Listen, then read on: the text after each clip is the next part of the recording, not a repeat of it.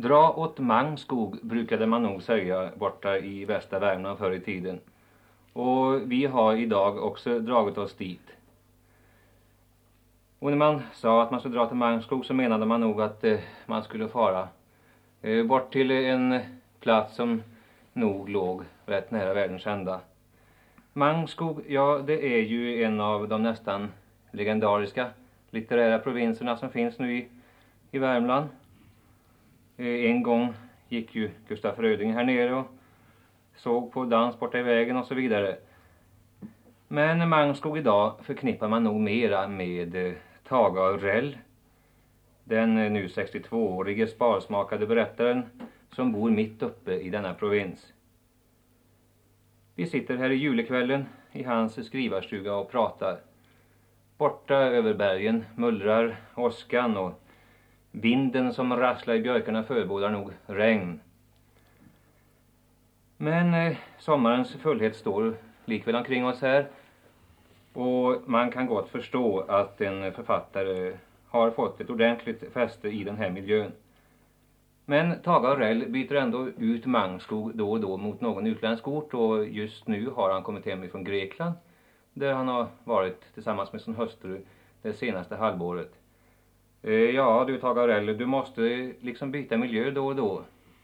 Ja, och denna gången blev det sannoliken byte. Det är att vi kom till Grekland var nog förverkligandet av en gammal, gammal dröm. Den är 30 år gammal. Då vi var där för första gången. Blir det litteratur av det också? Det får nog mogna ett bra tag än. Det går fasligt sakta för mig när jag ska få ihop någonting. Ja, ja men eh, ska vi återvända till Mangskog igen då? Eh, det var ju ändå här du bodde eh, när du debuterade. Det är ju väl förresten 25 år sedan. Ja, det är ett sorts jubileum. Hit kom du från rätt många år utomlands vad jag vet. Jag bodde i Frankrike i tio år, hela 20-talet. Men hur kom det sig att det blev just här i Mangskog du kom att eh, debutera som författare? Eh, rena slumpen, och det hänger förresten samman med vad du inledningsvis sa. Som barn eh, bodde jag om somrarna hos min mormor i Edane, en och en halv mil härifrån. Och då fanns just det där talesättet att dra till Mangskog. Det är inte som du sa, förfärligt långt bort. Det fanns inga bussar på den tiden. Och när vi sen, min hustru och jag, skulle resa hem efter så lång tid, någon gång måste man ju hem, så då eh, hade vi egentligen inga kontakter, inga förbindelser i Sverige. Som sagt, efter, efter så lång tid så lossnade ju den ena efter, efter den andra. Men ett mål. Och då kom det för mig det, det, det, det gamla att dra till Mangskog. Och dit, dit reste vi då förresten per cykel första gången. Och kom hit minns jag en julikväll strax efter midsommar 1929 var det väl. Jo, men eh, de där åren innan du drog hit till Mangskog, eh, vad gjorde du då?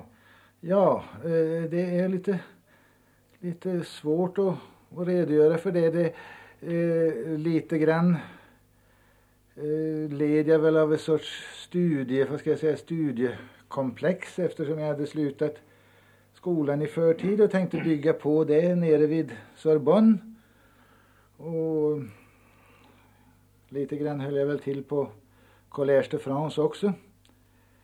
Och sen, om man var ung då, det var då man gjorde sånt, det är då man vågade göra sånt kontrakterade med Stocks förlag om att översätta Strindberg från svenska till franska. Det var detta fina kontrakt som omfattade fem pjäser kom det, kom det bara ut den ena volymen, de fem enaktarna. Sen sa förlaget att de upptäckte att det fanns inget, inget Strindbergs intresse i Frankrike på den tiden. Det har ändrats sedan dess och kanske man eh, kan hoppas att någon gång de fyra andra översättningarna också kommer ut. Men eh, du sysslade också med eh, journalistik? Ja, jo, jag, jag, hade, jag hade ju varit eh, journalist i fem år efter, efter skoltiden och fortsatte naturligtvis med det som eh, korrespondent och lite grann översättare. Och, var det främst litterära artiklar du skrev? Det var nog mest det och så en, en del eh, intervjuer som är ju sånt man tar till när man är frilans. Bland annat minns jag jag eh, intervjuade landsflyktiga ryska författare Merezjkovskij och Kuprin och Bunin.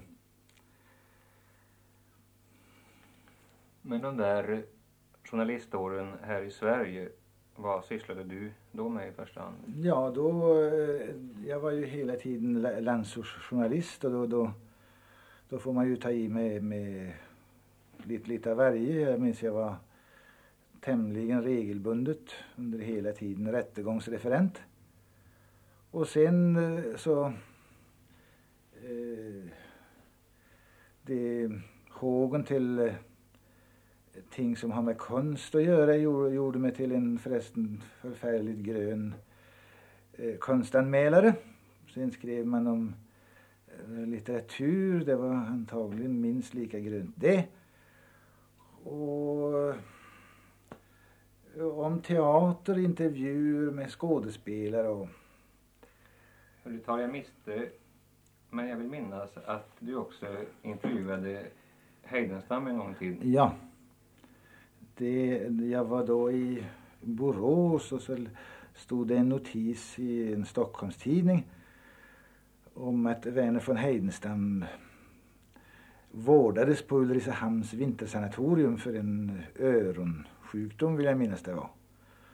Och eh, gripen då av journalistisk iver för att göra sån stjärn, stjärnbesök så ringde jag till Ulricehamn och och, och reste dit dagen efter en eh, i våldsam vinterdag förresten.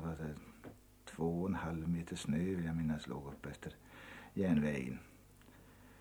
Och det var eh, krigshösten 1914. Och jag är inte alldeles säker på att inte det stod en hel del obalanserat i den intervjun. Precis inte driv oss samman med gisselslag men, men, men någonting däråt. Och det ådrog sig förresten Hjalmar Brantings uppmärksamhet. Jag minns han skrev i, i Socialdemokraten som morgontidningen då, då hette. Om en eh, journalistyngling som i Ulricehamn hade intervjuat Verner von Heidenstam och så gav han honom på tafsen sen för det är enligt honom och kanske enligt många fler lite eh, obalanserade politiska utsikter som Reine von Heidenstam kom med. Nu har du, när du sedan blev mera skönlitterär skapande författare, eh, eh, när du tänker tillbaka på de där journaliståren, är det någonting som du tycker att du nu har haft nytta av? Jo, all, all, alldeles säkert. Det, eh, eh, sen det, det är svårt att, att klargöra var, var, i för, var i den nyttan består. Men, men till en del eh, består det nog i att till exempel som, eh, som rättegångsreferent? Man, men, men, men ofta ställdes inför och, och så, så, så, som ung då inför ganska nakna eh, människoöden som, som eh, betog en lusten att att eh, tänka om människor i eh, gängse former utan, utan man, man eh, fick ett, ett, ett behov av att liksom komma, kom eh, till klarhet om dem på, på andra sidan om, om, om eh, mer eller mindre stereotypa. Men när du sen kastades direkt ifrån denna landsortsjournalistiska tillvaro eh, direkt ner till 20-talets Paris med sjudande konstnärligt liv och en rad olika experiment. Eh, vad var det då som i första hand eh, Ja, eh, den, eh, den första tiden upplevde man väl kan jag säga, tror jag nog jag måste säga tämligen, tämligen omedvetet. Det, det, det gick väl över både ens horisont och ens, ens uh, men sen, ja, det, det är naturligtvis en, eller rättare sagt möjligen en efterrationalisering men eh, naturligtvis kom man inte inte från Frankrike densamma som när man reste dit. Det hände nog att jag frågade mig många gånger där nere varför, varför man gick där så länge. Vad, vad, vad meningen var, var med det. Eh, jag, jag tror nu numera som sagt att det hade en, en, eh, ja, en, en ganska klar me, mening. Att, man, eh, att det hjälpte Eh, och, och, har varit på något sätt ett, ett, ett stöd sen både när det gäller stilproblem och, och över, överhuvudtaget att tänka över, över konstnärligt skapande. Ja, som du sa så återvände du hit i slutet av 20-talet igen kring år 1930. Och det var alltså här ifrån Mangskog du skickade din eh, första bok till förlaget? Ja, det var Tybergs gård som jag eh, nog hade börjat så smått på nere i Frankrike men, men, men, men den blev färdig här i, i Mangskog. Den där väckte ju ingen större uppmärksamhet utan du fick väl hålla på att debutera ända fram till 40-talet egentligen? Ja, ja vi... Eh, eh, jag har en känsla av att jag håller på fortfarande att eh, debutera och det är kanske strängt taget inte, inte något fel i, i det. Men det där rätt livliga litterära intresset som spred omkring sig på 40-talet eh, det var väl dig också till eh, hjälp? Naturligtvis, det, det, det är klart. Och det, det, det, det, det märkte jag förresten med, med, med stor glädje den, den eh, mottaglighet som, eh, som eh, litterära kretsar visade när, när vad ska jag säga, tiden var kommen, tiden var inne. Men något egentligt gemensamt hade du väl knappast med 40-talisterna? Mm, nej, ja det beror på vad man menar med gemensamt. Det, det, det är klart att jag hade hade läst en hel, av dem, eh, en hel del av dem och tyckte väldigt bra om många av dem. Jag menade att du liksom arbetade utifrån en mer speciell miljö och inte utifrån en sån där sårig, eh, tidsinflammerad känsla som 40 ofta gav uttryck för. Ja, åtminstone kunde jag väl svara på det att jag naturnödvändigt eh, skrev på något sätt utifrån en mm, mer kompakt ensamhet, mer, med större enslighet än, än, eh, än de som, som mer framträdde, om inte precis i flock så i alla fall med en samhörighet som jag på den tiden måste eh, leva utan. Ja, den där ensamheten eh, flyttade du väl på sätt och vis över också på det litterära planet så att du eh, på många sätt först, i första hand intresserade dig för ensamma människor. Eh, jag tycker ju att eh, man ofta träffar på lite valhänta och, och, och fumliga eh, människor i dina böcker och som på något sätt liksom ändå lever i, i, i obeaktade och, och fördolda vardagstragiska sammanhang. Alltså jag, jag kommer bara ihåg att eh, du eh, någonstans skriver om eh, människor som är fattiga och ensamma över ryggen. Och, och att det ofta är människor som hade tänkt sig något annat till låt med livet än det de fick höra. Det stämmer nog. Jag skulle vilja bara ändra på ett uttryck du hade där, fumliga. Eh, jag menar det, lite fumliga livsförsök. Ja, jo. Eh, jag har lärt, tror jag, jag tryggt kan, kan säga, jag säger det med stor tacksamhet, eh, lärt mig en hel del i, i, just i Mangsko, i denna bygd. Eh, här eh, fanns det, eh, vad ska jag säga,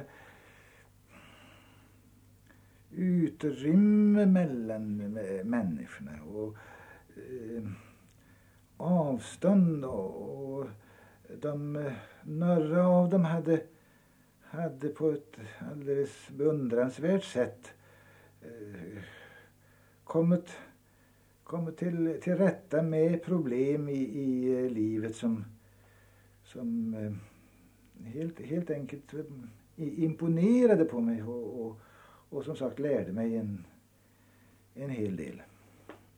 Det finns andra motiv man ibland kanske tycker som går igen i dina böcker.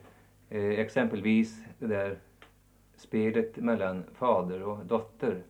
Ja, det, det har, har, du rätt i. Det, det anmälde sig redan i, i Tybergs gård och, och finns ju också sen i till och från Högåsen. Och några av de små eh, berättelserna handlar ju nästan, nästan uteslutande om det. Jag tänker på, på då den lilla berättelsen Levande livet och, och några, några till.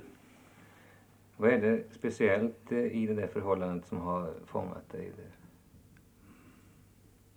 Det är svårt att, att svara på men det är väl det,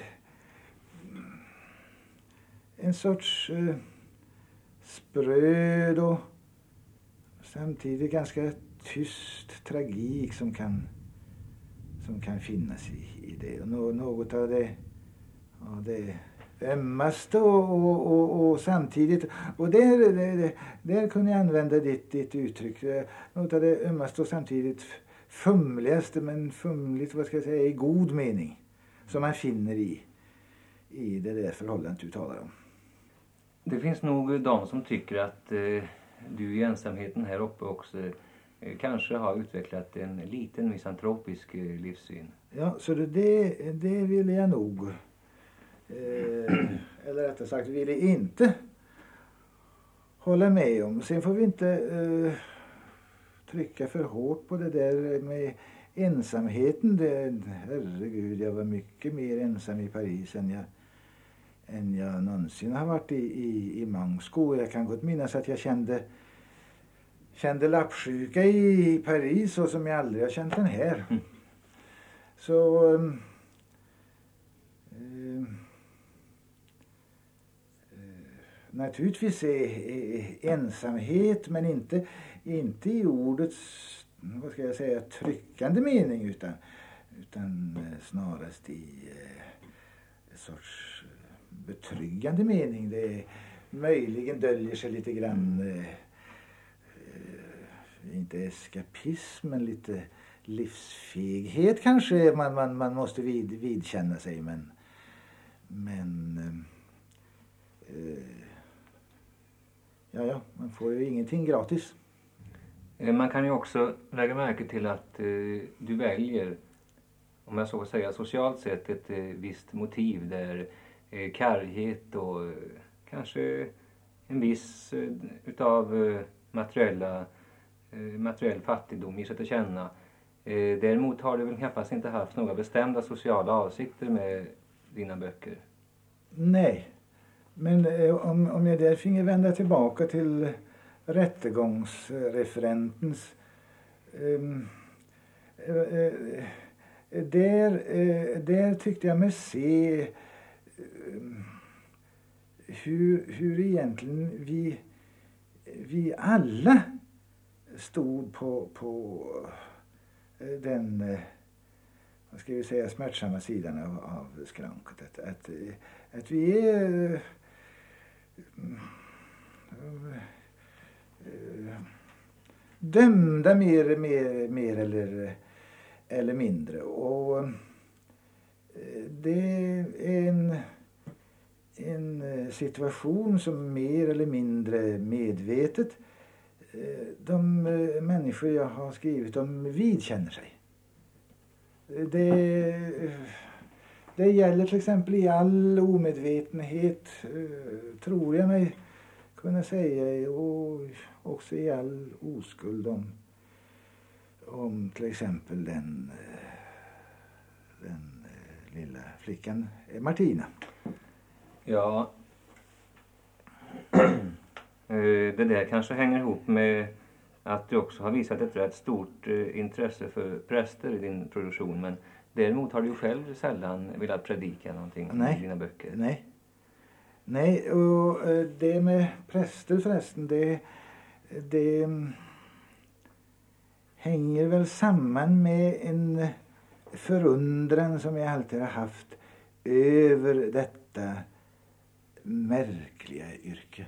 Eh, hur, hur, eh, det har jag frågat mig själv må, många gånger med både, um, ja vad ska vi säga, uh,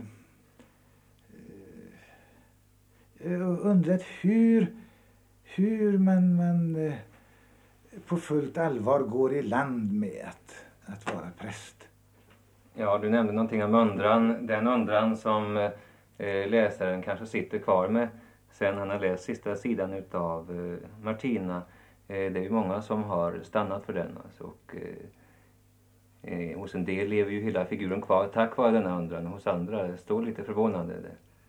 Då kan vi gärna låta den undran vara kvar. Men, men jag ska berätta för dig en annan ting. Vi kan börja på den första sidan. Det med Kierkegaards citatet Eh, det har också frågats i, i några sammanhang vad, vad meningen var med det. För inden blive det eh, då bäst, bäst att skriva en mindre bok?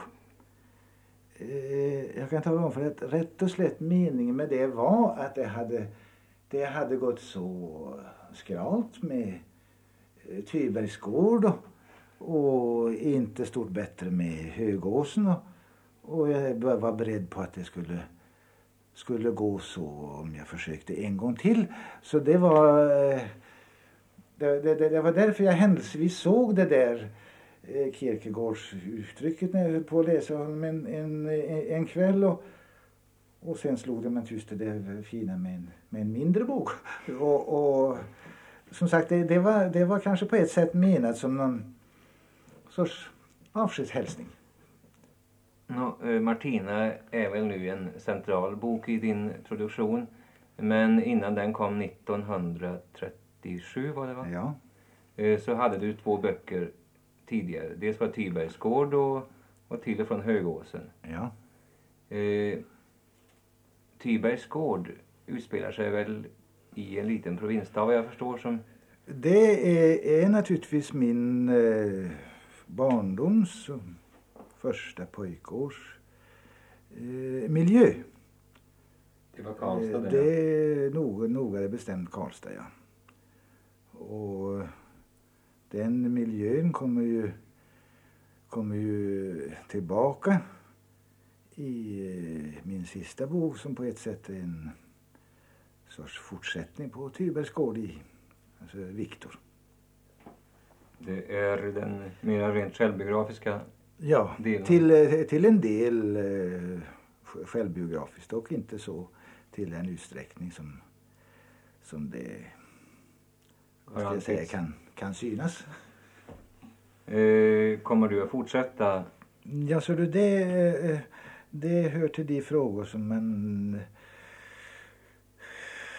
rent vidskepligt inte vågar svara på. Som, som jag känner det för närvarande så eh, tror jag nog inte att det blir någon, någon fortsättning. Jag, jag tycker att eh, det är visserligen bara en eh, torso om vi nu ska använda ett sånt vackert uttryck men det, det, det kan det få förbli. Det, det har ett visst raison d'être även. Torson. Ja, en torso sa du. Eh, det lakoniska, det koncentrerade är väl alltid eh, på något vis epitet som följer dig så fort man nämner ditt ja, författarskap. Ja, kanske lite, lite för ofta därför att det minns jag att vi har talat om en gång du och jag. Om eh, det, den fåordigheten är inte märkligare än att, än att de jag, de jag har skrivit om dem, jag har ställt samman dem, jag har tänkt över dem. De har inte sagt någonting mer än, än, än det. För, förresten så jag tror jag att, att mm, åtminstone gäller, gäller det mitt, mitt jobb, om eh, hemligheten, om den hemlighet består i att man, att man lyssnar. Det, det, det tar som bekant sin tid, även om det inte behöver ta, ta den orimliga tid som för mig. Men, men eh, och, och till exempel eh, Martinus säger ju faktiskt i hela boken inte, Inte inte mer än fem, sex ord där de ska lägga in brasan. Och ändå så har jag, har, har jag det intrycket att hon talar på sitt sätt från första raden till den sista. Nå, du vill inte nämna någonting om det du kommer att skriva men eh, låt oss då eh, gå tillbaka till Tybergs gård. Ja, om du vill det så gärna. Eh, det var en kollektivskildring och den spelade ju också på något vis i en brytningstid, eller hur? Ja, och jag, eh, nu ska jag berätta för dig att jag tänkte tillbaka på Tybergs gård när du hade häromkvällen en, en tidsspegel eh, där det var tal om folkets parkers. Eh, Eh, att de inte var eh, längre vad de en gång var bestämda att vara. Då, då, då mindes jag min barndoms Folkets park och, och kanske borde det i Tybergs gård ha varit med eh, en liten stump om, om den. Den hade, hade förtjänat den och särskilt minns jag att jag upplevde den storstrejkstiden. Min, min far var på verkstaden i Karlstad och med hans arbetskamrater så, så eh, bestämde de att de skulle, de väntade alltså för en hård strid och det kunde bli ont om livsmedel.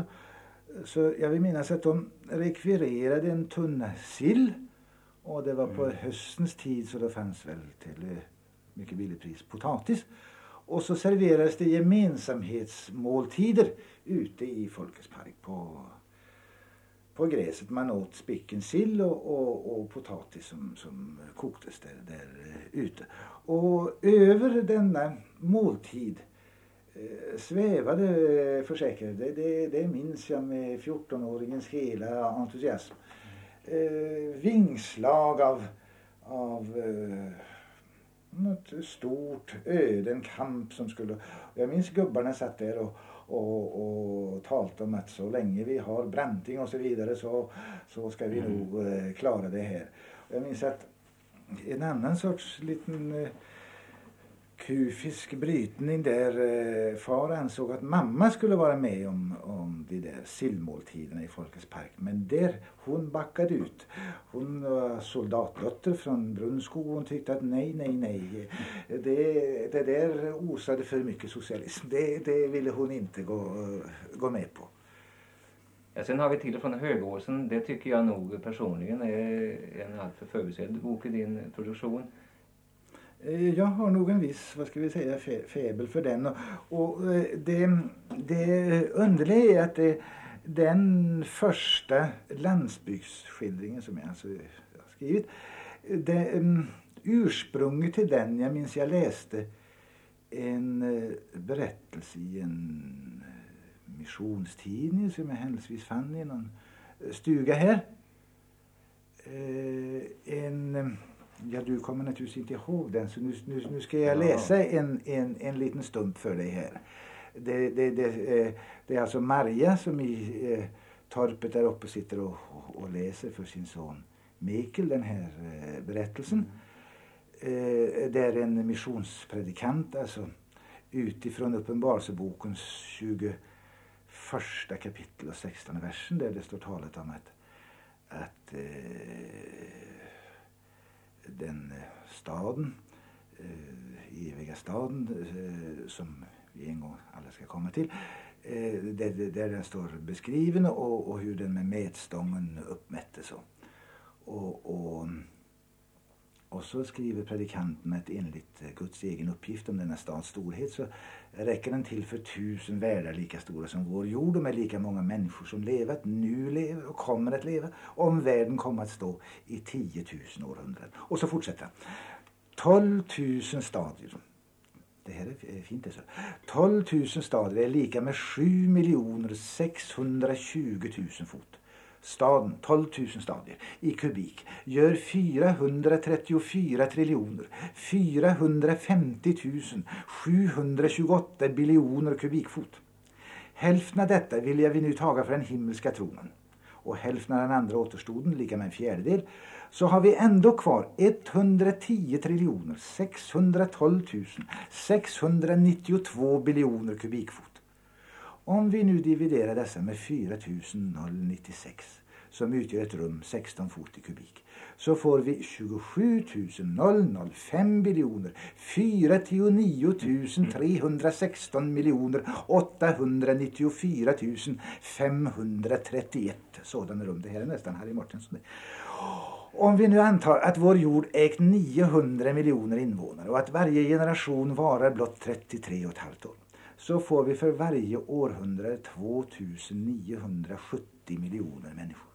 Om nu världen kommer att stå i en miljon år så får vi ett invånarantal av 29 biljoner 700 000 miljoner.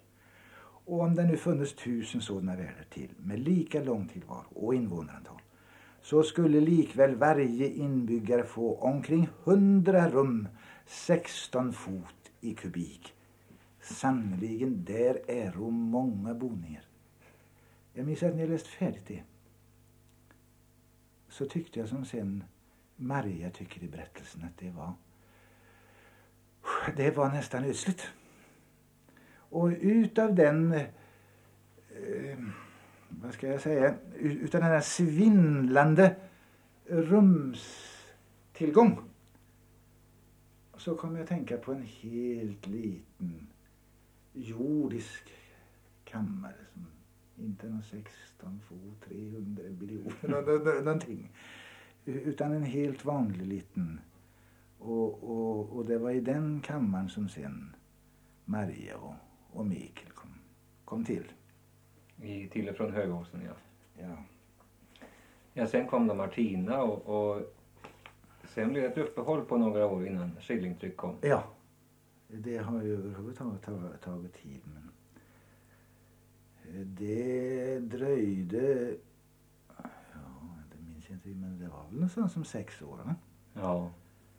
Men när Skillingtryck kom så väckte ju den ändå en viss uppmärksamhet. Ja, jag kommer ihåg att Knut jo. Jansson slog för den och, jo, då, och sen kom då, 40 Då, då lossnade det. Eh, och lossnade förresten gudskelov tämligen, tämligen bra tyckte, tyckte jag. Ja, sen kom eh. du med dina smärre berättelser. Och, men däremellan har du ju också skrivit eh, några mera journalistiskt betonade Ja, eh, en del av, av reseintrycken finns ju, finns ju i bilderbok eh, som, som också rymmer några sådana där eh, mer tillfälliga ting för, från, eh, som man eh, dock trots allt fick beställning på till jultidningar och, och sånt och som det den gången var väldigt bra att kunna ta, ta till. Och sen har, sen har jag, min, min hustru och jag eh, som du vet skrivit en, en bok Liten fransk stad. Ja, det var... Eh, där vi har um, med utgångspunkt ifrån dina radiokonsterier också. Ja. Där. Avbördat oss, eh, får jag hoppas, en, eh, en del av det vi är, är skyldiga Frankrike. Och nu kanske du kommer att eh, avbörda dig vad du tycker att du är skyldig Grekland? Ja, jag, jag var inne i, i Aten i en bokhandel och, och bläddrade igenom böcker om, eh, om Grekland. Det fanns en engelsk bok som började med orden One can't describe Greece. Han fortsatte visserligen på 350 sidor men, men jag är ännu inte riktigt kommen över One can't describe Greece.